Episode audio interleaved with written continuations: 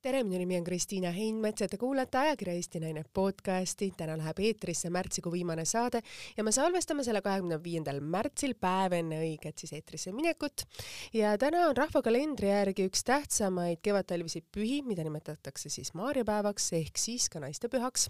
sellest ka selle, sellest ka sissejuhatus ja maarjapäeva tunnuseks on olnud siis punajoomise tava, mille tõttu saadi kogu aastaks õitsev välimus ning punapõskedele. seda päeva nimetatakse ka oma samamoodi naiste väepühaks, nii et naised, kõigil, kellel on täna midagi punast juua, siis mis see täpselt võiks olla, võib-olla võiks ise siis seda ise valida. tänase saatekülalise jaoks on see päev aga veel erilisem. täna on tema sünnipäev, ma veel nime ei ütle, ma teeksin oma sellise tavalise sissejuhatuse, mis mei-, mis mind selle naisega siis eriliselt seob. meid seob juba väga varajane lapsepõlv meie isad on olnud sõbrad ja neid koosviibimisi, kus siis me oleme lastena ringi jooksnud ja meie vanemad on siis nautinud omavahelisi vestlusi on olnud meil vist lugematu arv.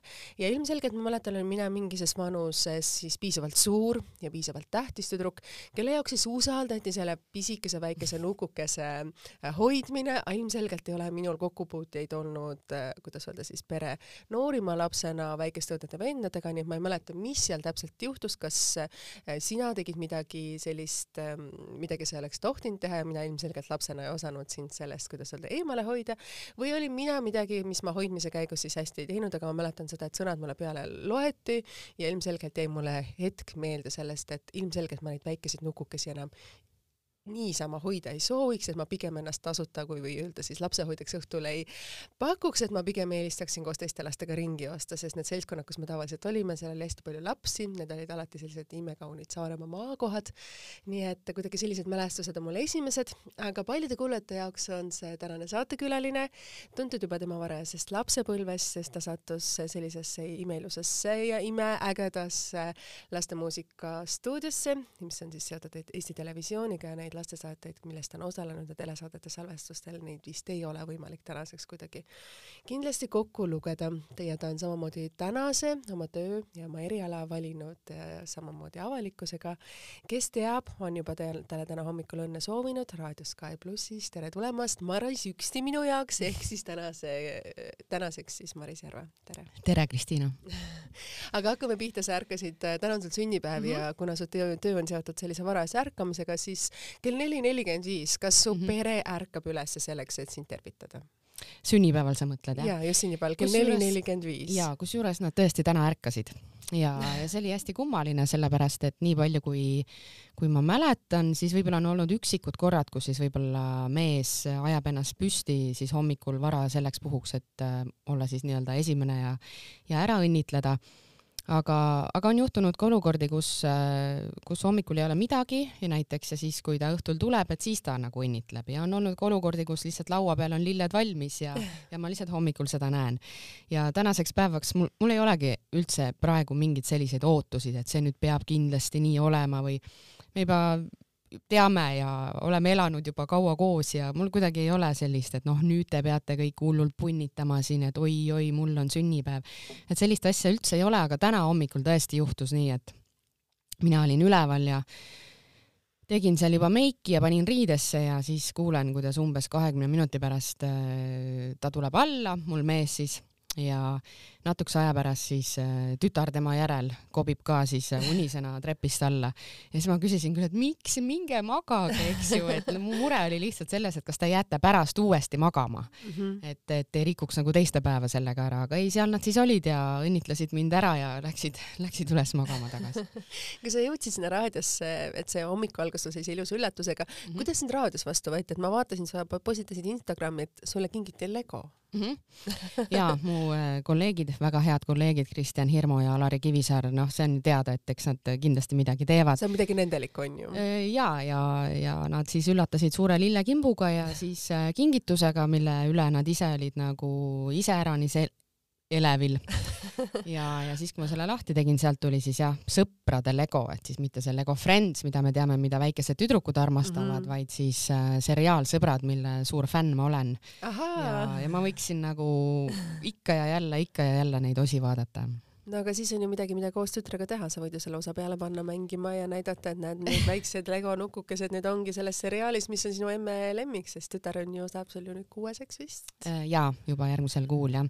ja teoreetiliselt seda saab teha, aga ma mõtlen, et las ta, las ta esialgu olla, et see on selline collector's item otsapidi, et et ei, ei taha seda nagu tükkideks äh, rebida kohe kui sa hommikuprogrammis äh, tööd alustad oma sünnapäeva hommikutel, et see, neid on kindlasti olnud ju kordades mm -hmm. palju, sa oled olnud, me just hetk tagasi rääkisime, üksteist aastat raadios, et on need nagu teistmoodi, on nad nagu erilisemad, et ähm, mis on, mis on sulle endal nagu need selliseid võib-olla erilisi mälestusi nende, noh, täna on see Friends kingitus, aga üldiselt, et mis on Te... nagu need endal sulle hetked nagu meelde jäänud? üldiselt need ikkagi on kuidagi sellised väga meeldejäävad, sest seda tähelepanu tuleb sealt nagu nii palju äh, just selle Raadios hommiku jooksul ja nagunii käib see kaasas sellega no, aga nendel päevadel eriti. jah, ja kuna seal kolleegid ikkagi mainivad seda ka omajagu selle hommiku jooksul, siis kuidagi siit ja sealt ikkagi kuskilt keegi saadab lilli või täna saabusid ka õhupallid ja kuidagi see on hästi selline noh, alati väga meeleolukas, et kuidagi niimoodi vaikselt-vaikselt noh, minu enda jaoks nagu mööda saata, seda siiani veel ei ole õnnestunud kas seda vajagi on, et sünnipäeva on ju, peaks ju tähistama ka nende õhupallide, lillede ja Friends Legoga? jaa, ei seda küll jah, et, et eks aegade jooksul nad on seal punnitanud ja üritanud ja saatnud mulle poisse stuudiosse laulma ja Jüri Pootsmanni ja Stefanit ja Ott Lepland ja mõtlengi, et kõik lauljad on juba nagu ära käinud, et tegelikult on tore, kui ka lihtsalt seal omavahel on mingi selline tore energia äh, Alari ja Kristjan, kui sa nendega hommikuprogrammi, programmi alustad, et millised nad on nagu saatejuhtidena, et ilmselgelt sa oma saadet juhtides sellest nagu väga rääkida ei saa, aga kindlasti Alar ja Kristjan, nad on sellised kõige legendaarsemad need raadiosaatejuhid mm. -hmm. sina oled selline, kuidas nii tihtipeale kasutatakse sellist sõna, et selline maheelne või mahehäälne või malbe naisterahvas siis nende vahel, et kuidas sa ise nagu neid vaatad, et mis on võib-olla nendel ühist ja mis on nendel võib-olla natukene teistmoodi? Äh, no neil on ühist selline ühine minevik, et nad on ikkagi mõlemad olnud sellised korralikud klubihundid ja, ja tegelikult saab vahepeal just äh, eetripauside ajal mm -hmm. see jutt siis, mis eetrisse ei jõua, seal saab vahel ikka no nii palju nalja ja ja näha, kuidas nad ei taha meenutada mingisuguseid äh, aegu, sest et noh, et, et see pidu on käinud ikkagi nagu taevani välja, aga tänaseks päevaks ma olen neile öelnud ka, et et kuulates seda teie minevikku, et ma täitsa ütlen, et kuidas teist tänaseks päevaks nii normaalsed, ontlikud, no normaalsed sellised korralikud inimesed saanud on. mitme lapse, kuidas öelda siis, mitmelapselise pere pead. ja just ja täiesti pigem sellised nagu mm, no korralikud, sellised korralikud mehed. mis teeb siis mehe korralikuks, et kui sa ütled nagu nemad on nagu need korralikud mehed? Noh, et sa näed, et inimesel on mingi vastutustunne mm,. Nad räägivad normaalset juttu, nende, nende pereelu on, on korras. noh, selli-, noh, mis maik kõik saavad enam-vähem aru, et et... nagu Kristjan ja Alari.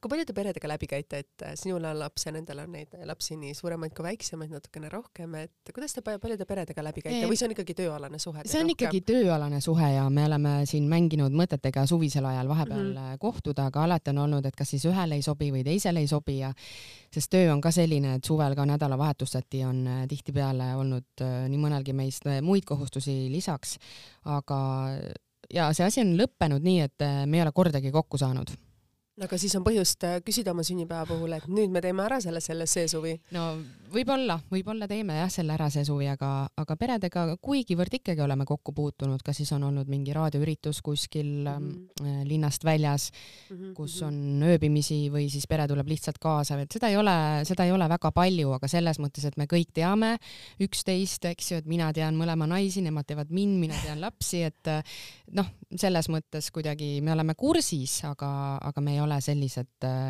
sõbrad, et nüüd reede õhtuti viitsiks nagu veel koguneda no ilmselgelt äh, need varahommikused tunnid, mis te koos veedate ja neid päevast päeva praktiliselt siis viiel päeval nädalas mm, -hmm. et seda on ikkagi ka väga palju. on aga ma mõtlen just seda, et äh, kui te hommikul saate kokku, et kas sa tead alati, et äh, üks või keegi, Alari või Kristjan teevad mingit erilist nalja või nendel on mingisugune eriline hommikune rituaal, mis jääb kaadri taha? Äh, rituaale on, aga ka mina ei ole nendest kõikidest teadlik, äh, eriti Kivisaare puhul. tal on omad asjad mingid väga mis on need tema omad asjad, Ei no et tead- kui ta tead- eetrisse tuleb, et mina mis on need kaadritagused? ei, ma ei tea, ma ütlen ausalt, ma ei tea, aga ma tean, et tal on mingid, see ei äh, pruugi olla seotud nüüd sellega, et ma lähen nüüd eetrisse, et see on ikkagi juba nii igapäevane ja see on töö, et näitlejatel on tõesti ju kombeks äh, kas enne esietendusi või midagi seal äh, lüüa teisele tagumikuga või vabandust, jalaga tagumikku ja noh, seal on Mhm. mingisugused sellised Mhm. asjad, aga, aga see on ikkagi nii tavaline meie jaoks ikkagi see eetrisse minek, et meil ei ole mingisuguseid selliseid rituaale. aga no näiteks, kui ta siseneb stuudiosse, ma tean, et tal on mingi oma trikk lihtsalt, no selli-, tead, mis on see trikk, kui ta siseneb stuudiosse, seda ju keegi ei näe no.. ei ma ei, ma ei tea, ma ütlen, et äh, ma tean, et tal on mingid asjad, aga ma ei tea täpselt, mis need on, noh stiilis, et äh, kes armastab astuda vasaku jalaga voodist välja või, või lüliti äh, paneb põlema ja ta peab seda tegema näiteks enne neli korda, kui ta selle püsima jätab või täpselt, et mis temperatuur jääb seal kliimaseades püsima, et ta oleks nagu koma viis täpsusega või no mingid sellised, sellised oma mingid väikesed trikid, aga need ei ole seotud otseselt eetrisse minekuga, et need on lihtsalt ma küsin siis, mis on sinu väikesed sellised hommikurituaalid, sa ütlesid, sa kindlasti paned endale meigi peale, mida sa täna juba mm. -hmm. rääkisid, võib-olla tass kohvi, aga võib-olla veel midagi, mis ei jõua raadiokuulajateni. no kodus ma kohvi ei joo, kodus on ikkagi ainult riidesse panek ja meik ja ausalt öeldes kõige tüütum osa minu jaoks on riidesse panek. ma, ma võin, kui ma olen juba riides, ma võin teha seda meiki, aga ma ei viitsi panna riidesse, sest et mul on alati külm hommikuti, kuigi mul on toas on soe, aga see Mhm. tuleb sellest, et ikkagi ma ei saa oma unetunde täis ja mul on kuidagi selline külm ja siis ma, on nii tüütu, kui ma pean hakkama nagu riidesse panema, aga kui ma juba olen riides, siis juba kõik läheb kiiresti. kas see ärkamine on sinu jaoks ikkagi siis nagu raske, et neli nelikümmend viis on ikka väga varajane, et sa pead, kuidas öelda, oma töö tõttu ju ka teinekord nädalasisestest teatrietendustest või sellistest detailidest ju loobuma, sest Jaa. see on ikkagi väga vara. mm. -hmm. ja, ja peabki loobuma ja, ja, ja midagi ei olegi teha ja see on vara jah, ja ma ei ole tegelikult selline väga hommikuinimene ise. et, et osad arvavad, et sellega harjub või midagi sellist, et äh, mina pean sellega ikkagi igapäevaselt äh, tööd tegema. ma olen nüüd juba, see on nüüd tulnud küll viimaste aastatega, võib-olla siis vanusega. et äh, ma täiesti tunnen seda füüsiliselt, et ma pean endale teatud päevadel vähemalt sisse kirjutama kalendrisse mingi vaba aja. Või päevane puhkus tegelikult. jah, või päevane puhkus, kus ma siis tõesti magan näiteks kaks tundi, sest ma tean, et see on mulle vajalik. ja kui mulle jääb see nagu vahele, ma suudan olla selle päeva loomulikult niimoodi Mhm. ära, et see jääb vahele, aga siis mul annab see eriti tunda juba järgmisel päeval. ja ühel hetkel see läheb nagu rattasse ja ma olen Mhm. aru saanud, et see puhkuse sissearvestamine on minu jaoks viimasel ajal ülioluline. Et seda kindlasti sellepärast, et mm Mhm. -hmm. meil on ju ka lapsed on ju kodus, et sellist hetke, et sa lähed kodu, et koju, et sa saad oma aega, on ju kordades ju vähem, et tea, kuidas Jaa. sul abikaasa võib-olla teeb ka kodus tööd, on kindlasti kodusem rohkem ja jaa, eks need, need saada- asjad mm mhm. -hmm. lisaks jah, aga kui yeah. rääkida veel täiesti tavalisest ajast, et isegi siis, et äh, jah, olgu meil on nii-öelda päev vaba mm, Mhm. -hmm. aga tihtipeale on pärast raadiot äh, mõni koosolek, siis on endal mingid käimisi ikka, eks no, juuksurisse no minna, mis iganes, eks ju, et mhm, kus mhm. võib-olla muidu äh, inimesed jõuavad käia äkki lõunapausi ajal või Mhm. siis õhtul, et õhtud ma üritan hoida vabad. mis kell sa magama lähed muidu, mis kell on sinu pere nagu kindel graafik, et sa tead, et sa pead vara ärkama? valus, valus teema. see on nüüd, see on valus teema, sest ma ei ole suutnud seda saada siiamaani äh, selliseks, nagu ta aga üksteist aastat raadios. ja ma tean, nagu ta, nagu ta võiks olla, et mul on ülikehv selline enesedistsipliin ja kuna õhtus minust ärkab mingi uus energia, isegi kui ma olen täiesti väsinud, mm. -hmm. ma leian õhtul selle uue energia. Ma olen välja tulnud vahepeal võib-olla mingist uneaugust täielikult või kui ma olen natuke maganud, siis ma olen üle saanud oma unepohmellist, mis on tegelikult äh, väga hull asi päevase magamise juures. aga õhtul mingi hetk siis, kui peaks hakkama mõtlema selle peale, et hakkame nüüd kokku pakkima, tuleb mul mingi asi sisse ja, ja siis tänu sellele mul tegelikult ilmselt ongi see kõik natukene rattas, et kui ma suudaks mm. -hmm. nagu kõik selle õhtuse kupatuse õigel ajal kokku pakkida ja minna normaalsel ajal magama, siis ma arvan, et mul oleks kindlasti lihtsam.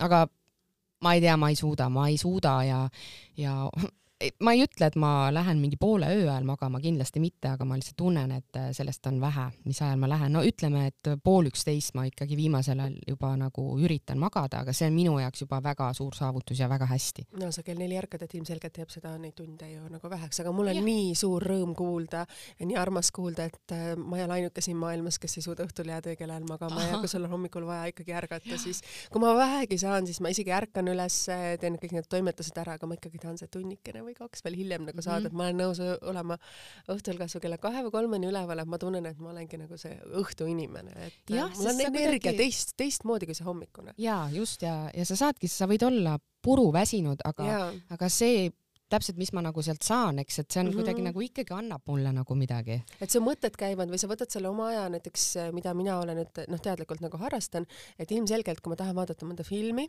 või mõnda seriaali, siis teha seda päevasel ajal ikkagi, kui sul on lapsed ümber, et kui sul on see emme-emme seal sees ikkagi kakskümmend korda, sest mm -hmm. ta teeb ju ka midagi samal ajal, kui sa tahaks seda vaadata, et siis sa võtadki selle, kui kõik magavad, maja on vaikne mm, -hmm. sa võtad selle oma uneajast, et sa vaatad mm -hmm. selle kaks tundi selle filmi ära, see on nagu sinu aeg, võtad selle tassi teed ja naudid. No. ja, ja eriti, eriti reede õhtuti, et äh, mul on öelnud küll inimesed, et miks sa piinled, et ma näen juba välja nagu selline noh, et on näha, et sa mine, mine maga ja sul on homme ju palju parem ja ärkad varem ja päev on mõnus ja ei, ja ma olen nagu, mul oma mees ütles mulle ka ükskord, et sa oled nagu see masohhist et, et, et miks sa nagu äh, piitsutad nagu iseennast, et ma, ma võitlen nagu viimase hetkeni, kuni ma tõesti enam ei jaksa, et ma kukun võib-olla sinnasamma diivanile lihtsalt magama, aga mul on vaja seda, seda chill imise ja nautimise aega ka. ilmselgelt reede õhtu on ju see koht, kus on kõigil teistel, kes käivad võib-olla teistmoodi töödel mm, -hmm. on see ainukene vaba hetk, kus saab ka pere kõrvalt aega võtta, sest noh, laupäev-pühapäev on ju kõik muud toimetused mm. -hmm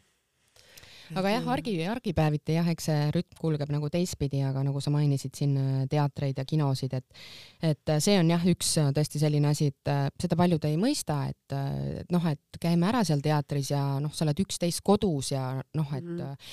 aga tegelikult inimene ei ole ju robot, et ja. kui ma jõuan koju, mul on olnud eelnevalt mingid emotsioonid mm, -hmm. mingi suhtlemine mm, -hmm. mingi käimine, et ma ei ole ju nii, et ma jõuan koduuksest sisse ja siis ma kukun pikali ja kohe magan ei, mul on seal oma rituaalid, rituaalid, mis ma kõigepealt tegema hakkan. duši all käimine, elementaarsed asjad ja, ja see võtab just. ju kõik tegelikult aega, mille peale me alguses ei mõtle. kindlasti on mingid asjad veel mhm. tegemata mm, -hmm. mida mul ja. on vaja, et hommikuks oleks tehtud mm, -hmm. eriti kui sul on äh, lapsed. laps, eks mm, -hmm. lapsed, laps ja, ja kõik need asjad ja lõpuks siis, kui sa oled pikali, ega see ka ei garanteeri sulle just pärast mingit sotsiaalset üritust sellist ja. kohest magama jäämist, et mul ei ole unega probleeme õnneks tekkinud selles mõttes, et, et ma magan hästi, kui ma magan, aga aga just see magama jäämine pärast mingisuguseid üritusi ei tule, ei tule nii nipsust kui on laps, on, saab nüüd on ju kuueaastaseks, et väikese lapse kõrvalt tagasi tööle minek oli kindlasti veel kordades keerulisem, sest need ikkagi öised ärkamised, asjad, et kuidas sa ise tunned, et sa oled nagu iseennast tasakaalu saanud selle noh, emaks olemise, abikaasaks olemise oma töövaldkonnas, et sa just alles hetk tagasi noh, mainisid ka, et see õhtune magama jäämine ja see, et graafikusse panna, sa tunned, et sul on seda juba täna vaja mm. -hmm. aga tead, teisest küljest on see lapse saamine ja lapse kõrvalt tööle minek kuidagi kuidagi ma ütleks, et mu rutiini isegi paremaks teinud. et mm. enne noh, kuna ma mainisin juba ka seda mm, -hmm. et mhm. ma olen ikka selline kõva tšillija õhtuti ja enne ei olnud nagu vahet, et kui ma mm -hmm. tahtsin päeval magada, ma tihtipeale läksin päris hilja, näiteks mingi pool neli.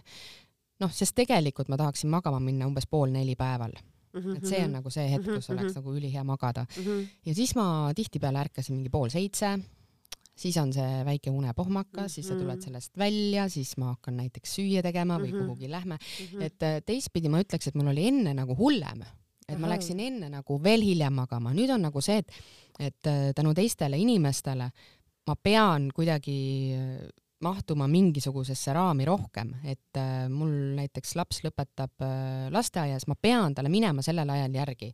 kui ma tahan enne, et ma jõuaks koeraga näiteks äh, jalutamas ära käia mm, -hmm. siis ma pean minema tund aega enne seda, kui ma lähen lapsele mm -hmm. järgi. sellepärast, et ta on selline, et ta, ta võib sõita jalgrattaga ja joosta, aga mm -hmm. niimoodi mhm. kõndida ta ei viitsi, laps ja siis vahel me jalutame ja siis hakkab tulema, et ta ei jaksa ja siis ma ütlen, olgu, jookseme siis ja siis pane pudama. et aga noh, kui ma tahan nagu käia koeraga nii nagu mina tahan käia koeraga mm, -hmm. siis ma mhm. pean temaga käima enne. nii, siis ühesõnaga noh, ma pean leidma need kellaajad mingiteks asjadeks, samamoodi mingid töised tegemised, et ma arvan, et ma olen osades asjades kordades efektiivsem, kui ma olin enne. Sest enne oli kuidagi maa ja ilm aega nendega tegeleda, aga, aga lõpuks, kui sul on äh, selline pereelu tekkinud, siis sa hakkad nagu hindama neid tunde, mis sa oled järsku nagu kuskilt saanud. et äh, sa kuidagi nagu ei vedele neid nagu maha otseselt, vaid oh, nüüd on see moment, ma lähen sinna ruttu või teen selle ära ruttu. minul endal oli hästi see teema, et et äh, kui ma sain samamoodi lapsed, et kui ma vanasti mõtlesin, no ma lähen trenni hi pool tundi hiljem või tund aega hiljem või ma ei suutnud ennast nagu samamoodi mhm. distsiplineerida mm -hmm. sellega, siis kui sul on lapsed väiksed, siis sa lähed lihtsalt sellel kellaajal, kas sul on see lastetuba või sul abikaasa vaatab seda last või kindlal ajal, et sa ei saa seda enam lükata, et mm -hmm. sa mhm. pead ennast ära distsiplineerima ja kusjuures äh, ilmselgelt nagu mõjub hästi, et sa võtad selle graafikusse, sa lähed selleks ajaks kohale, et sa ei mõtle, et noh, jõusaal vahet poole, pool tundi mm -hmm. hiljem või tund aega hiljem või lähen homme, et sul ei ole varianti, et sa tead, et sa täna saad jaa. minna, homme sul seda vaba aega enam ei ole. jah, ja no. isegi koristamisega, et ma kuidagi mäletan, et kunagi, kui aega oli nii palju käes, et äh, teadsid, et laupäeva õhtul lähme sõpradele külla, aga päev on nagu vaba, et siis vedeled seal ja vaatadki oma sõpru umbes ja mõtled, ah, tegelikult peaks koristama, no ei tule seda tuhinat täna peale, noh, noh, okei okay,, vahet pole, siis et vaatan mingi teine päev siin, et suva tegelikult, eks siis äh, nüüd oli nagu see, et äh, noh, eriti siis, kui laps oli ikkagi väiksem, et praegu juba ma näen, et see kuuene on juba noh, kohe nüüd kuuene on ikkagi juba nii palju suurem ja ikka kõik on nii palju lihtsam tegelikult. on, meil aga... on ju lapsed ühevanused, et ja. käivad ka koos Eesti Televisioonis koos laulmas. jah, just, aga, aga kui ta oli väiksem, siis tõesti see, et mul tekkis see mingi tund või kaks või, või keegi läks temaga kuhugi pooleks mhm. päevaks mm -hmm. ja mul see, oh okei okay,, nii, nüüd on maja vaba, nii, nüüd ma koristan ja hakkasingi kohe pihta ja kohe kütma ja, ja et sa tead, et see on see moment või sul ei tule seda lihtsalt rohkem, eks ju. seda vabadust, et ja. seda teha või mida iganes teha või lugeda seda raamatut, et mina olen näiteks endale ka raamatu lugemise pannud graafikusse mm, -hmm. et mul on nagu tund aega vaba, et siis ma päeval kulutangi selle raamatu lugemisele, kuna ma ei pea tegelema poegadega või tütrega, et mul ongi see omaendal vaba hetk ja tähendab ka helivaba hetk on see minu jaoks, et üks asi on nagu vaba hetk, teine on helivaba hetk. helivaba hetk on hea see on, nii hea, vaikus mida, on hea. ma just tahtsin küsida, et mida sa nagu ise kuulad kodus või, või, või sulle nagu vaikus on oluline, et noh, minule endale on näiteks, et ma nüüd olen hakanud jälle Spotify'd äh, kuulama mm, -hmm. neid muusikat, et ma käin klapid peas kodus, et võib-olla aasta tagasi alles siis, kui kogu see koroona asi oli, et sa olid palju kodus, kodune, et sa soovisid kuidagi endale teist maailma sinna laste kõrvalt nagu luua, aga vanasti mul oli lemmikasi oli vaikus, eriti kui ma sain lapse, et kui mul oli võimalik, et mul oli vaikus kodus mm, -hmm. siis ma ei pannud muusikat käima, ma ei kuulanud seda, mul ei olnud oma lemmiklugusid just sellepärast, et see vaikus, kus keegi ei räägi, oli nagu hea. uskumatult hea. ja, ja ma olen nõus ma üha enam armastan seda vaikust ja kui ma lähen näiteks ka päeval koju, kuivõrd töö möödub mm -hmm. ka ikkagi kõrvaklapid muusika ja heli ja, ja kõik see mm -hmm. intensiivsus on tegelikult ju raadios väga suur. ja, ja, ja kui ma lähen koju ja kui on siis sellised päevad, eh, kui on normaalne elu ja seal kedagi ei ole, siis, eh, siis ma ei pane, päeval ma kohe kindlasti, ma ei pane telekat, ma ei pane raadiot, ma ei pane niisama muusikat mm, -hmm. mitte midagi, mul isegi ei tule nagu pähe selline asi mm. -hmm. aga alles siis õhtul me paneme ikkagi nagu teleka käima üldiselt kodus mm, -hmm. aga kui mhm. vähegi võimalik, siis ma käin ja timmin kogu aeg, sest et eh, kui ma kui sealt tuleb nii-öelda taust lihtsalt, et mhm, tegelikult mm -hmm. kõik tegelevad oma asjadega, siis ma ei taha mitte midagi kuulda sealt mm. -hmm. aga kui sealt tuleb midagi, mida ma tahan kuulda, siis ma panen selleks hetkeks ta kõvemaks, et mm -hmm. ma mhm. kuuleks. aga ma ei taha niisama kõva müra taustaks, lisaks yeah. nagu kõigele muule. aga, aga sellistel hetkedel, kus mul on äh, kodu vaba ja ma näiteks tõesti koristan mm -hmm. mingi päev läbi või pool päeva yeah siis ma panen kindlasti muusika. see annab energiat. ja, ja, ja ikka niimoodi panen, et äh, kahest suurest kõlarist, nii et mul ikkagi äh, maa vapub seal, et äh, see mulle meeldib. Aga ma olen ka seda endale, enda jaoks avastanud, et kui sa koristad või teed asju, siis sa paned suures toas ja vahepeal on nii hea mõne loo, mõne loo järgi tantsida näiteks. ei no ongi, et sa nagu chill'id seal ja, ja sa nagu naudid seda protsessi, mitte et ma nüüd siin pean, et äh, olema mingi tuhkatriinu ja käima tolmurulliga ringi, aga, aga teha see protsess nagu mõnusaks enda jaoks jah, ja ma ei tea, seal mingeid kappe koristada ja siis mul ikkagi käib taustaks, et. aga Maris, me lähme nüüd hakkame otsast peale nagu pihta seda sinu lugu siis arutama, et me oleme nii palju. no aga täna ongi nagu selles mõttes sünnipäevapäev ja ilmselgelt äh, seda raadiokaadri taha vaatamist ei ole väga palju. kindlasti mm -hmm. sina, sa just solisid, et sul on nagu, kui sa just hetk tagasi ütlesid, et sa istud nüüd nagu teises positsioonis, et tavaliselt oled sina ju, kes küsimusi esitab mm, -hmm. täna pead sa vastama, et äh, natukene teistmoodi, et siis äh, miks äh, jaa, mitte, mina olen oma kasupüüdlikult kasutanud seda hetke ära, et uurida siis, kuidas on sinu raadiotöö ja hommikune raadiotöö on kindlasti kordades teistmoodi kui päevane. ja ta on intensiivne ja hommikuprogrammid on ju raadiotes ikkagi nii-öelda need põhilised saated mm -hmm. ja, ja see on kõik selline. ka vastutus on ju suur, sest kuulatavus on väga suur. jah, ja kõik tuleb laivis mm. -hmm, täpselt. see on meie puhul selline, et et sul ei ole seal kõik asjad kogu aeg niimoodi ette valmistatud, näiteks nagu on riigiraadiotes ja hoopis mhm, teistsugune mm -hmm. infoedastus ja hoopis teistsugune energia, et mm, -hmm. et see on tegelikult selline väga intensiivne töö. kas sa toimetad ka oma need, noh, toimetad iga saate ette, et ikka õhtul mõtled läbi, mida sa tahad rääkida, mis on need nagu teemad? jaa, et, et ma, et ma olen seda kuskil varem ka öelnud, et selline mm -hmm. toimetamine käib terve päeva põhimõtteliselt, mhm. et sa märkad asju, jätad mhm. meelde, otsid seoseid, et siis õigel hetkel need sulle jälle nagu meelde tuleksid, kui on, kui on see aeg. ja samamoodi mingite lugudega, artiklitega, et mm -hmm. tihtipeale mulle väga meeldib ajakirju lugeda mm -hmm. ja, ja sealt leiab alati mingeid põnevaid nüansse inimeste kohta aga vahel tuleb ette ka seda, et ma loen läbi äh, terve pika artikli või enam-vähem terve ajakirja ja ma ei leia sealt mitte midagi, mitte ühtegi konksugust nagu kinni hakata või mille ümber siis nagu, kuidas seda lugu nagu jutustama hakata. mis on sinu teema, et sa ei leia nagu endale midagi sarnasust onju? jah, jah, et mm -hmm. ma mhm. nagu ei suhestu mingite asjadega, sest ma ei oska neid edasi kanda, sest see ei ole minu jaoks huvitav ja väga raske on midagi edasi anda, kui see ei ole minu ja. jaoks huvitav et äh, aga teinekord jälle leiad sealt mingi asja, et noh, selliseid asju niimoodi kogu aeg jooksvalt vaatad, loed, uurid, paned kõrvale, jätad meelde, et, et selline toimetamine. et kui sa lähed saatesse, sul on endal to do list nõndanimetatud olemas või mingid mõtted ja. või ideed on äh, sul arvutis ette kirjutatud? Midagi, midagi peab alati olema varuks ikka jah sest palju tuleb ka jooksvalt, sest et me ja. alustame päeva ja me lähme sellega kaasa, mis mm -hmm. päev toob ja ja vahel mingid teemad hakkavadki kerima kohe hommikul mm, -hmm. tulevad mingid uudised, et et siis me lähme kohe sellega kaasa, aga, aga teinekord on jälle vaiksemad päevad, et siis peab olema midagi sellist ajatut võtta ilmselgelt on sul selline distsipliin ja kogemus äh, oma lapsepõlvest saadik, et sa alustasid ju ka ETV lastemuusikastuudios vist kolmeaastasena mm. -hmm ja neid soolorolle asju, kus sa laulsid, oli ikkagi ju kordades palju, et mis sa, mis mäle-, mis mälet-, mida sa mäletad ise oma nagu sellest lapsepõlvest ja nagu sellest laulmistest ja asjadest, et ma tean, et sa oled sellest ka kordades palju rääkinud. ei, ei olegi väga palju rääkinud, aga, aga kuidas nüüd öelda, et mis ma sellest mäletan, ma mäletangi seda, et oligi üks laulmine kogu aeg.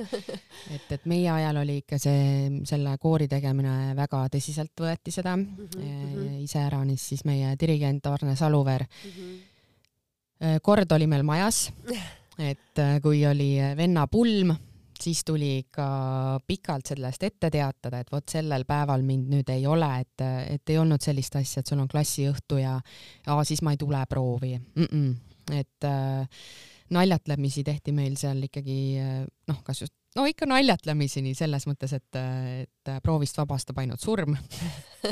Et oli momente, kus seal ikka osadel olid vahepeal silmad märjad, sellepärast et mingid olulised üritused tõesti jäid käimata, aga, aga noh, sellest see kõik nagu kujuneski ja kui sa käid mööda maailma festivalidel ja, ja, ja sa võidad neid ja, ja mingisugune tase kogu aeg nagu arenes meil koorina et äh, tagantjärgi muidugi mul ei ole mingeid valusaid mälestusi, et ma millestki ilma oleks jäänud. venna pulma ma pääsesin aga pigem, pigem on just see, et me ikkagi aeg-ajalt äh, oleme kohtunud seal mm -hmm. oma nende lauluseltskonna inimestega.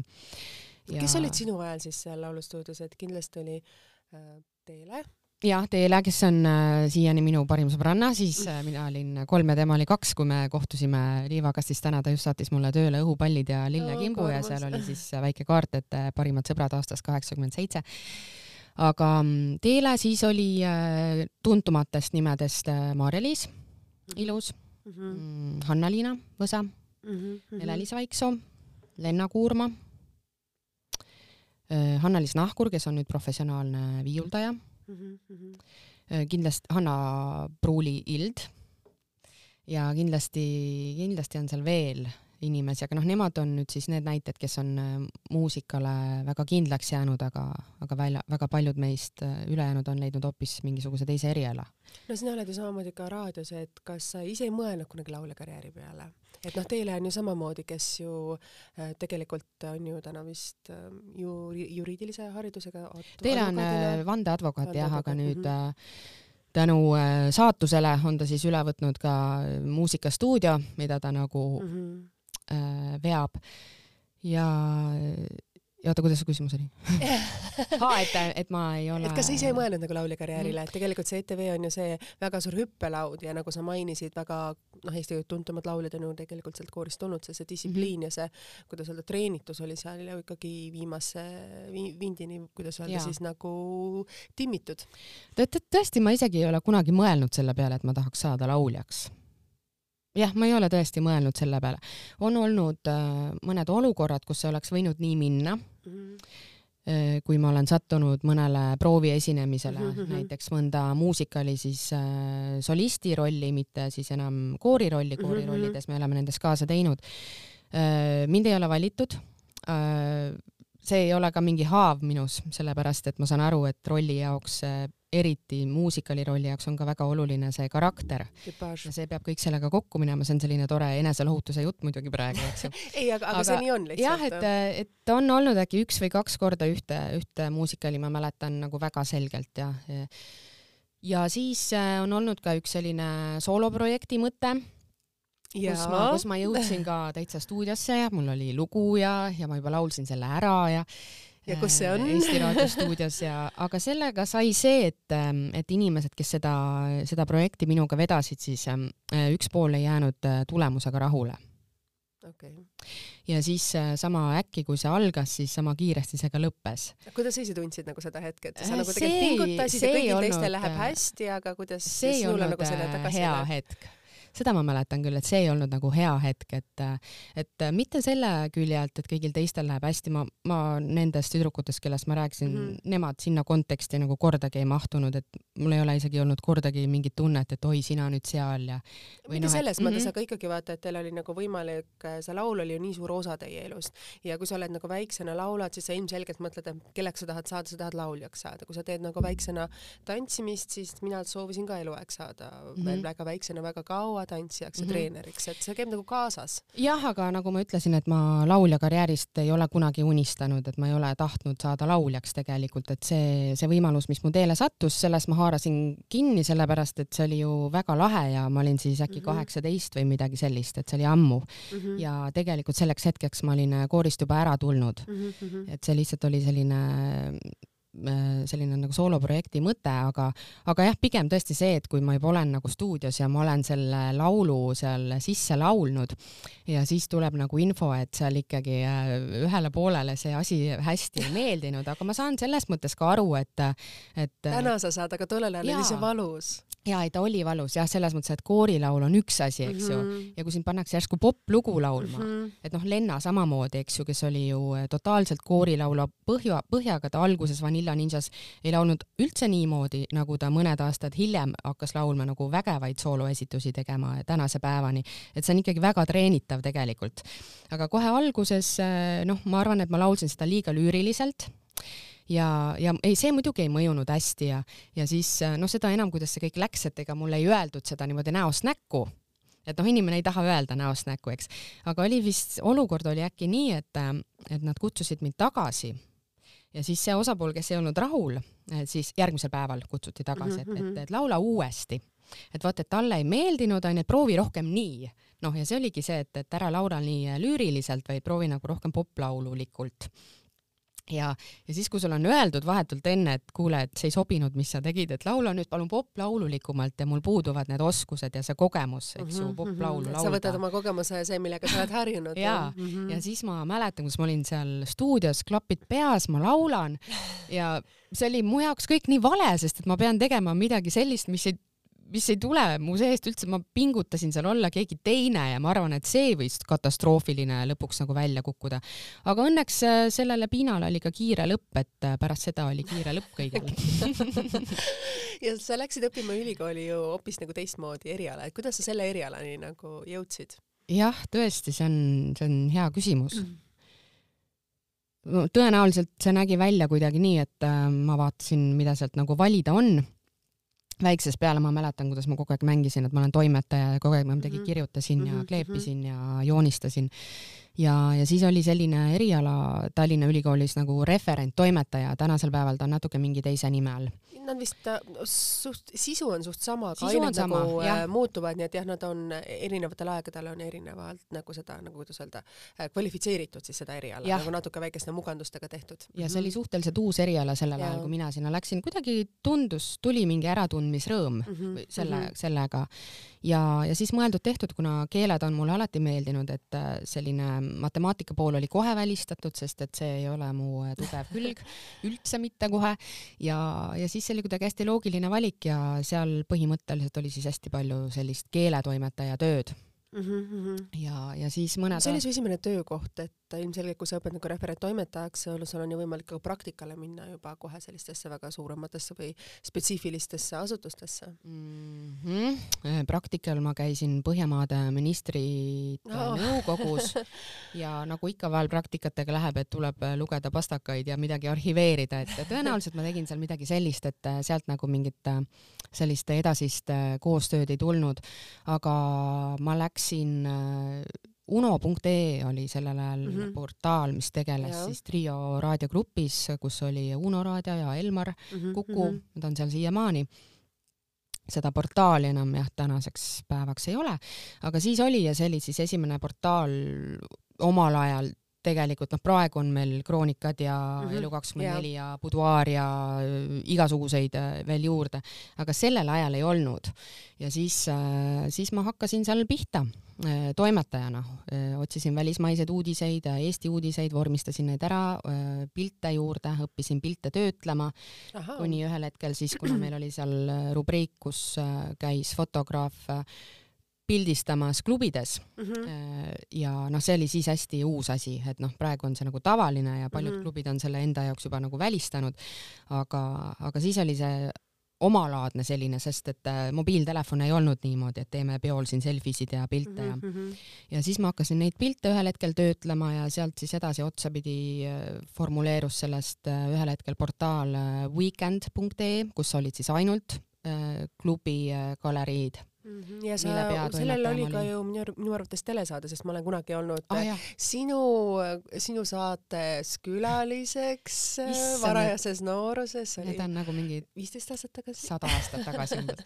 ja oli jah, tõesti jah, ja, ja see on. no Viikindiga seoses, et, et see ja. vist oli nii portaal ja nendel oli ka oma telesaade või midagi mm -hmm, taolist mm, -hmm. vist, mille saatejuht sa tegelikult olid. jah ja, ja mingi hetk siis juhtus nii, et selle portaali ostis ära Delfi mm. -hmm ja siis ma jõudsin omadega Delfisse. siia majja, kus me täna siis salvestame. jah, just. ja ühel hetkel siis äh, jäi see portaal ikkagi kuidagi selja taha, vaibus natukene see teema, aga see, kui ta oli, siis ta oli väga-väga kuum teema. ja, ja siis ma jäin äh, Delfisse teiste asjade peale mis oli su teine eriala siis siin, et ähm, kui see portaal enam polnud asju, et mis olid nagu siis need... ma tegelesin siin äh, meelelahutusuudistega sa kirjutasid siis nagu neid uudiseid? ja, kuidas sa raadiosse sattusid sealt?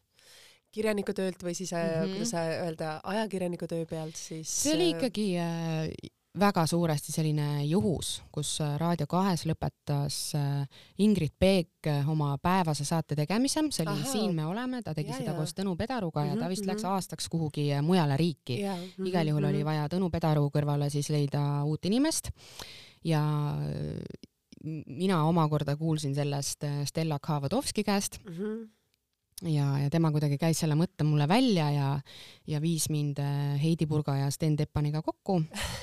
siis me saime kokku, siis me -hmm. rääkisime seal ja, ja siis ühel hetkel nad andsid proovitöö ja, ja siis oli üks, üks tüdruk oli veel kellega koos me siis seal nii-öelda natukene nagu võistlesime ja, ja, ja siis äh,, siis tuli edasi väga tormiline aasta, sest esialgu ma olin edasi nii Delfis kui siis tegin päeval saadet mm. Raadio kahes, aga see saade kestis kolm tundi, et võttis nagu päevast ära ühest neljani aja. ja see siis tähendab seda, et tihtipeale pärast seda ma tulin siia tagasi ja need olid nagu väga-väga pikad, pikad päevad. väga pikad tööpäevad ja kas ja. sul oli ülikool selleks ajaks läbi või sul olid ka õpingud veel pooleli? No bakalaureus oli ammu läbi jah mm, -hmm. aga ma mhm. läksin vahepeal ka magistrisse jah, ja see on ikka väga keeruline aeg nagu selles mõttes, et hommikused varased ärkamised ja õhtuhilja noorele, noore inimesena kirjutada, et sul polnud ju omaenda ja isiklikku jah, siis ma praegu vahel mõtlen, et inimesed, kellel ei ole võib-olla sellist pereelu veel näiteks, kes elavad üksi mm, -hmm. siis mhm. ma mõtlengi, et millest te räägite, teil on kogu maailma aeg, et sa saad ju ja. planeerida ja miks sa siis ei säti seda omal nii, et millest te räägite, et teil on nii palju tööd ja teil ei ole aega, et mul nagu kohati nagu eh, noh, nagu ei mahu see pähe, siis kui sa, kui ma praegu mõtlen, et mul oleks nagu kogu see aeg, eks ainult, ainult iseendale, siis mul on niisugune tunne, et nagu mm, noh, see on täpselt see, et millega sa võrdled ja kui ma mõtlen sellele ajale, et kui ma käisin tööl ja koolis mm, -hmm. siis, siis tõesti oligi momendid, kus ma tean, et ma vahepeal magasin autos. ma võtsin nagu pool tundi ja lasin endale istme alla et praegu on nüüd see moment, et nüüd ma, nüüd ma magan, sest et äh, sa ei vahe... suuda kirjutada lihtsalt, et äh, sa mõte ei tööta, ma tean seda ise omast käest, et kui sa oled väsinud, sa ei suuda kirjutada või sa kirjutad seda viitelauset lihtsalt üldse, niivõrd kaua. seda, seda lisaks jah, aga kui sa oled väsinud, üle keha tunned, et sa oled mhm. väsinud, sa oled lihtsalt väsinud ja ja kui oli see moment, siis ma lihtsalt magasin seal autos et need päevad äh, ka siis ajakirjanikuna ikkagi algasid äh, tihtipeale hommikul kell seitse, no seal oli nagu vangerdustega mm -hmm. ja siis, kui sa mhm. käid vahepeal koolis, meil mm -hmm. olid mhm. sellised intensiivsemad äh, vahepeal viiepäevased perioodid mm, -hmm. aga samal ajal ma ikkagi olin nagu ka tööl yeah. ja noh, sellist, sellist kombineerimist oli nagu hästi palju, et siis ma, kui ma vahepeal nagu hakkan endale nagu mõtlema tõesti, et et osadel inimestel, kes, kes mulle tundub, et teil on nii palju aega, eks, siis tegelikult ega neil ei ole ka aega et noh, kõigil on see ikkagi omamoodi äh, sisustatud, et. aga noorena, kas sa ei tunne, et kui sa oled noorem, sa nagu jaksad Jaa, rohkem, et see neli tundi magamine on normaalsus? ja, ja nii oligi, et käisime seal teatrites pidudel söömas, restoranis, ma ei tea, lõpetasime kell kaks öösel, hommikul oli vaja minna, läksid, polnud nagu mingit teemat. silmad ei olnud paistes, äh, see klaas veini sai õhtu võetud, ei olnud andnud hommikul kuidagi tunda. võib-olla isegi korraks andis, aga see läks nagu kohe üle ja, ja jälle kütsid edasi. ja tõesti, ja, ja kui tuleb see number kolm ette, siis hakkavad asjad lihtsalt muutuma. no minul on juba number neli ees ja võin öelda, et kolm ees on väga hea, kui neli ees on, siis on juba vaja kordades rohkem planeerida neid mm. puhkuseid ja muid asju ja oma aega. ma tunnen jah, et see kõik läheb sinna. et sul on see varsti käes juba, et naudi tänast päeva, et mis iganes see sulle raskustena tundub, siis seda omaenda isiklikku, kuidas öelda, isiklikke vajadusi, mis on nagu vanasti oli normaalsus, mis sa täna pead nagu selle ekstra ette võtma, et see on väga hea, et sa seda niimoodi ütled, sellepärast et see võrdlusmoment me elust kaob aga kui sa vahepeal äh, tekitad endale selle, siis sa saadki aru tegelikult, et tegelikult on jumala hea praegu ja kõik on jumala hästi praegu, aga noh. täpselt, oskus elada olevikus ja nautida seda elu täpselt sellisena, nagu ta on, et ega me ilusamaks mm. me ei mhm. lähe, peenemaks me ei lähe ilmselgelt ka mitte väga palju targemaks, et, ja, et äh, me oleme sellised, nagu me oleme. et oi-oi, et mis, äh, mis vanus, eks ju, et kui ma mõtlen, et ma kümne aasta pärast kindlasti mõtlen tagasi näiteks praegusel ajal mm, -hmm. siis ma mhm. mõtlen, mida ma üldse virisesin, et mis asja ma ajasin, eks ju et jah, aeg läheb nagu kiiresti mm, -hmm. et kui sa oled nagu selle ratta sees, et sa oled ise oma mullis, ega sa ei saa kogu aeg oma elu kõrvalt vaadata, eks sa abiellusid kahe tuhande kolmeteistkümnendal aastal ja kui ma täna hommikul noh no, vaatasin mõningaid, samamoodi lo, loen eelnevalt siis saate, enne saatesse mm -hmm. tulekut mõningaid artikleid ja mõtlesin, issand, et sa abiellusid aasta enne mind, aga siis ma unustasin ära, et äh, mina abiellusin ju kaks tuhat neli. see oli veel, see oli ju veel nii ammu tagasi, et kuidagi see kaks tuhat kolmteist tundus, et oi, et äh, nagu samal ajal nagu mina umbes mm, -hmm. aga noh, tegelikult tegelikult, tegelikult on kümme aastat nagu hiljem, et selline noh, isegi vaata, tunned juba enam ajalugu kuidagi on nagu nii pikaks läinud juba, et sa nagu mm -hmm. enam ei võta adekvaatsena võib-olla mingisuguseid kuupäevi ja asju. et su isa oli ju ka maadleja ja sinu abikaasa nüüd on maadleja või su isa tegeles selle valdkonnaga? jaa, isa tegeles äh, ikkagi väga jah, pikalt ja pühendunult. jah, samamoodi ka minu abikaasa, kes siis ühel hetkel äh, noh, otsustas, et ikkagi seda mhm. sportlast temast ei saa, et tänasel päeval ta ei ole nagu maadleja aga noh, ilmselgelt ta selle valdkonnaga tegi. aa jaa, seda küll ja see on, see on hästi veider tegelikult, selline puhas kokkusattumus, et nii ju räägitakse tegelikult, et et kasvõi alateadlikult me valime meest endale isa järgi ja, ja tegelikult on naljakas vaadata, et neil on nii palju mingeid ühiseid jooni mis on nende ühised jooned, sest eh, sinu isa oli minu kehalise kasvatuse õpetaja. ah, seda ma ei, no, ei teadnudki või ei mäletanud. et me elasime koos Lasnamäel, seal kõrvuti majades, noh, sina olid küll natukene noorem, me mm -hmm. Hoovi peal palli mm -hmm. koos ei mänginud, aga ilmselgelt kõrvuti me liivakassides seal oma seltskondadega nagu olime mm. -hmm. elasime ju lähestikku, jah, sinu isa oli minu kehalise kasvatuse õpetaja, ma mäletan seda, et meil pandi kooli kõik redelid ja asjad, et me vahetunnil lihtsalt ei jalutaks ja ei jookseks, vaid me teeksime trenni, harjutaksime käelihasid ja noh, muid, et noh, ilmselgelt kõlab, nagu, nagu sportlasena ta tahtis, et ka siis, kuidas öelda, kooliõpilased sellised mm -hmm. oleksid, et mm, -hmm.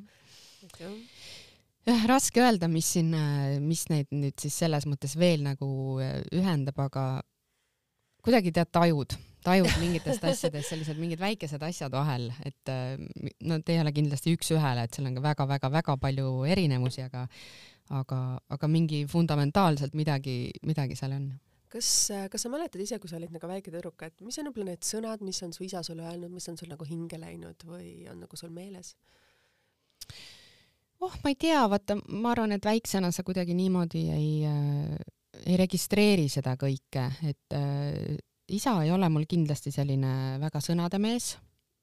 nagu tulemehed vist enamus, suurem osa nendest. Äh, võib-olla jah, aga küll aga mingisugused teod on meelde jäänud, et. mõni, mõni tegu, mis on sul jäänud meelde, mis isa tegi sulle? Mm, ma mäletan väga selgelt, kuidas me käisime koos äh, kalu ostmas mulle Kalu. akvaariumit ja see tuli kuidagi, kuidagi umbes hästi muus eas, et ma ütlesin, ma nüüd tahaksin kalu ja ja siis ta kuidagi, paneme siis riidesse ja lähme siis sinna loomapoodi ja mis kalad te ostsite ja sellele tuli juurde osta ju akvaarium, siis need igasugused muud detailid sinna akvaariumi põhja veel kõik need asjad, nii ja, et äh, see oli, see oli, see oli seiklus omaette, kuidas see kõik ühel hetkel lõppes, sest et üks kala põhimõtteliselt sõi kõik teised kalad ära siis ma sain hiljem teada, et mingit sorte ei tohi kokku panna ja siis kaks tükki jäid seal omavahel võitlema ja siis läks mu vend ühe peale vihaseks, et miks sa sööd teisi ära, et ma praen su ise panni peale ära, et et see lõpuks ma viisin selle naabripoisile selle ühe, ühe killerkala seal, kes tahtis kõikidele lõppu peale teha. aga, aga siis ma mäletan ka mingisugust äh, sellist momenti, kus ma tahtsin endale jalgratast saada. Mm -hmm. ja, ja isa ei olnud siis kodus. Ja rääkisin seda emale ja ema ütles, et räägi seda isale. Ja siis ma seal ootasin ja ootasin, isa tuli päris hilja. Ja ta vist oli tulnud kuskilt peo pealt. Noh, see ei olnud nii hilja, et me olime ikka nagu veel ja, üleval. mm -hmm. ja siis ma ütlesin talle, et ma tahan hullult äh, jalgratast saada ja, ja isa siis, et no jaa, muidugi, pole probleemi, ostame jalgratta. no aga tollel ajal ei saanud ju jalgratast niisama vist poest osta, siis vist tuli tellida või? no siis ma olin juba piisavalt suur ilmselt, et ma seda niimoodi mäletan, et mm, -hmm. et, et, et siis ikkagi olid juba mingid, et lähedki ja ikkagi ostad. jah okay., siis oli juba nii mm. -hmm ja siis ma ütlesin talle, et aga nüüd sa hommikul seda ei mäleta, et sa praegu siin lubad, aga et hommikul sa kindlasti räägid teist juttu -hmm. ja mm, -hmm. ja siis ta ütleski, et aga et pane siis kirja ja siis äh,, siis me tegime lepingu. ja siis ma kirjutasin, ja ma kirjutasin üles, et mis sa mulle lubasid, kuupäev, särki-värki, isalt allkiri ja, ja järgmine päev ei olnud tal siis midagi selle peale kosta, et leping oli ette näidata ja. ja jalgratta sa said? ja millise jalgratta sa valisid? tead, seda ma ei mäleta ju ta oli mingi kaherattane nagu vaata kui armsad äh, mälestused tegelikult minul mm endal, kuna mu isad on sõbrad, siis mina ilmselgelt mäletan neid paadiretki Saaremaal.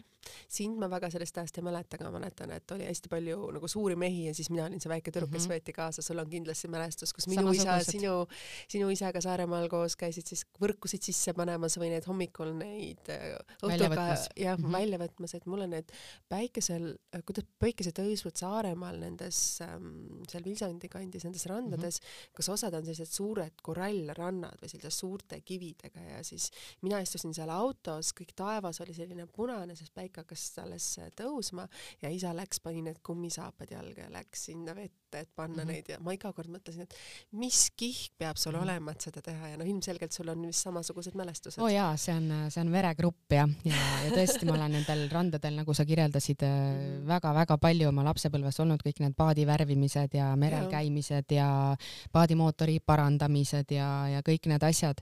et, et siis ma olin lihtsalt tüdruk, väike tüdruk, kes käis kaasas ja mängis seal kividega ja ootas, kuni on minek ja praegu ma mõtlen, et kuidagi on minu meelest maailm natukene tagurpidi läinud, et, et lapsed tunnevad justkui, et neil peaks iga päev olema hull seiklus. Noh, et, et, et mi, mis sul täna minu jaoks põhimõtteliselt plaanis on, eks ju, kino, kontsert, dekoltee, noh, põhimõttel niimoodi äh, kirjeldades seda olukorda, et et kuidas ikka... sa emana ise tegelikult lahendad seda olukorda? noh, tegelikult üha enam ma tahaks samamoodi seda, et võiks olla ka ikkagi see, et sa ise leiad endale tegevust, Mhm, et mhm, mhm. et, et lapsed on eluaeg käinud lihtsalt kaasas vanematega. Lihtsalt käinud kaasas. elu, sellisena, nagu ta on. jah mm, -hmm. teinud siis seda, mis neil seal parasjagu teha on, võib-olla on kuskil mingi paber, võib-olla on pliiats, ma ei tea, hulkunud kuskil nurkades ringi, eks ju, kivid onju. et ma, ma ei mäleta kordagi, et ma oleks läinud isa juurde, et kuule, mul on nüüd igav või kaua me nüüd siin veel oleme või ma, ma ei, ei olnud nagu sellist asja. me ei tulnud selle pealegi, sest sa olid üks osa ema või isaga kaasas, sa olid õnnelik, et sa said tegelikult ju kaasas olla, see, et keegi lihtsalt. peaks sinuga tegelema, sellist asja ei olnud ma ju. küll ei mäleta, et me oleksime kõik kolmekesi kuskil ringis istunud ja mingid kolmekesi kive ladunud onju, et noh, see oligi nii, et ma võisin seal pintseldada, kui ma tahan ka näiteks seda paati ja kui ei taha, siis ei tee onju, et, et hulgud seal niisama ringi. aga, aga jah, lapsena need olid lihtsalt, see oli, see oli nii tavaline minu jaoks, aga, aga tänasel päeval, kui ma tagasi mõtlen, ma muidugi mäletan neid asju väga sellise sooja südamega.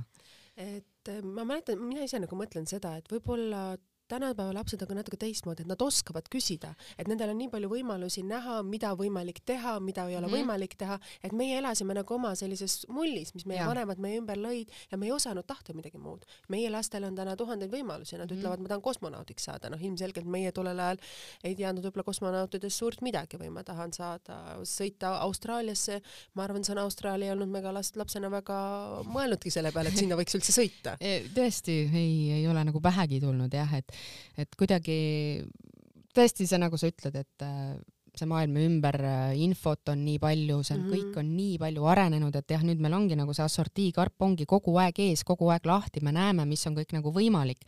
ja kuidagi on äh, lastesse tulnud jah, see tunne, et, et nagu see vanem peab nagu kogu aeg nagu midagi välja mõtlema või tegema või minema või Mm -hmm. äh, nagu sisustama nüüd seda, seda päeva või noh, mina ei ole kindlasti selline, selline Mary Poppins ema.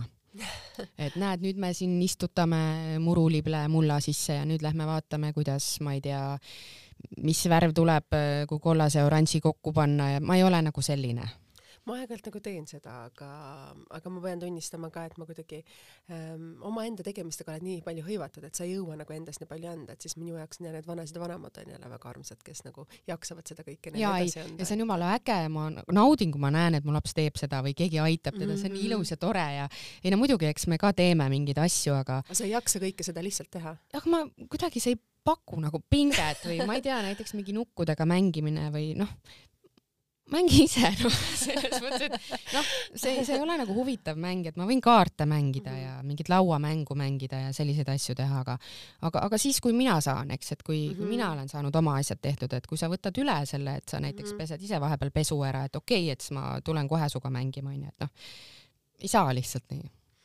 aga meil on nüüd saade nii kaugele, me peame selle kokku võtma, nii kahjuks kui see ka pole, sest ma praegu mõtlen, et ma tahaks sulle esitada veel kümme küsimust erinevatel teemadel. aga kahjuks on jah, aega nii palju ja meil on ukse taha jõudnud juba mitu inimest, maskides nad istuvad ja meie üliarmas inimene Lauri, kes on nii sinu saate kui minu saate siis selline inimene, sest ilma temata me ei saaks mm -hmm. hakkama siin uues stuudios. viibutab juba ukse taga. jah, ta juba natukene lehvitas siin, maskid on ees, asjad on ees, sest see ruum vajab desinfitseerimist ja järgmised inimesed on siia saate saatesse saadet tegema tulemas, nii et Maris, ma ütlen sulle veel kord suur aitäh, aitäh, et sa veetsid selle tunnikese oma tänasest ajast, oma sünnipäevast meiega, ma loodan, et sul oli ka natukene lõbus. muidugi oli väga tore oli. et meenutada neid ilusaid lapsepõlvemälestusi, mida me tegelikult ju omal ajal nii palju kogesime koos mm. -hmm.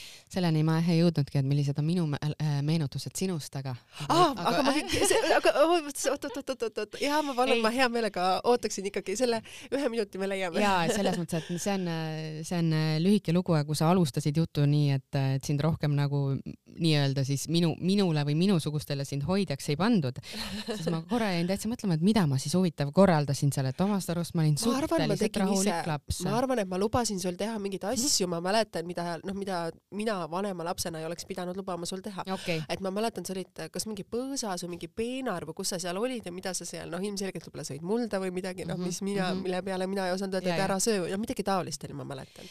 aga minu äh, mälestus on ikkagi juba suuremast ajast, äh, kus ma pakun, et ma võisin äkki olla mingisugune kümme, noh, keskmiselt mingi kümme ja siis äh, sina olid ikkagi ikkagi eriti minu jaoks selline, tead, vau, et suur tüdruk ja siis see kõik, vaata siis võtad šnitti, et väikesed tüdrukud võtavad ikka šnitti suuremate pealt ja siis see tundus mulle kõik nii äge ja et ma tajusin seda ja sinuga kuidagi eriti, et noh, sina oled see ilus suur tüdruk ja vot umbes mina tahan ka selline olla.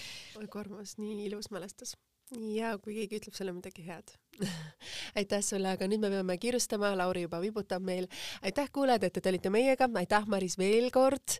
ja saade läheb meil juba homme eetrisse, nii et kes veel täna mäletab, täna on maarjapäev.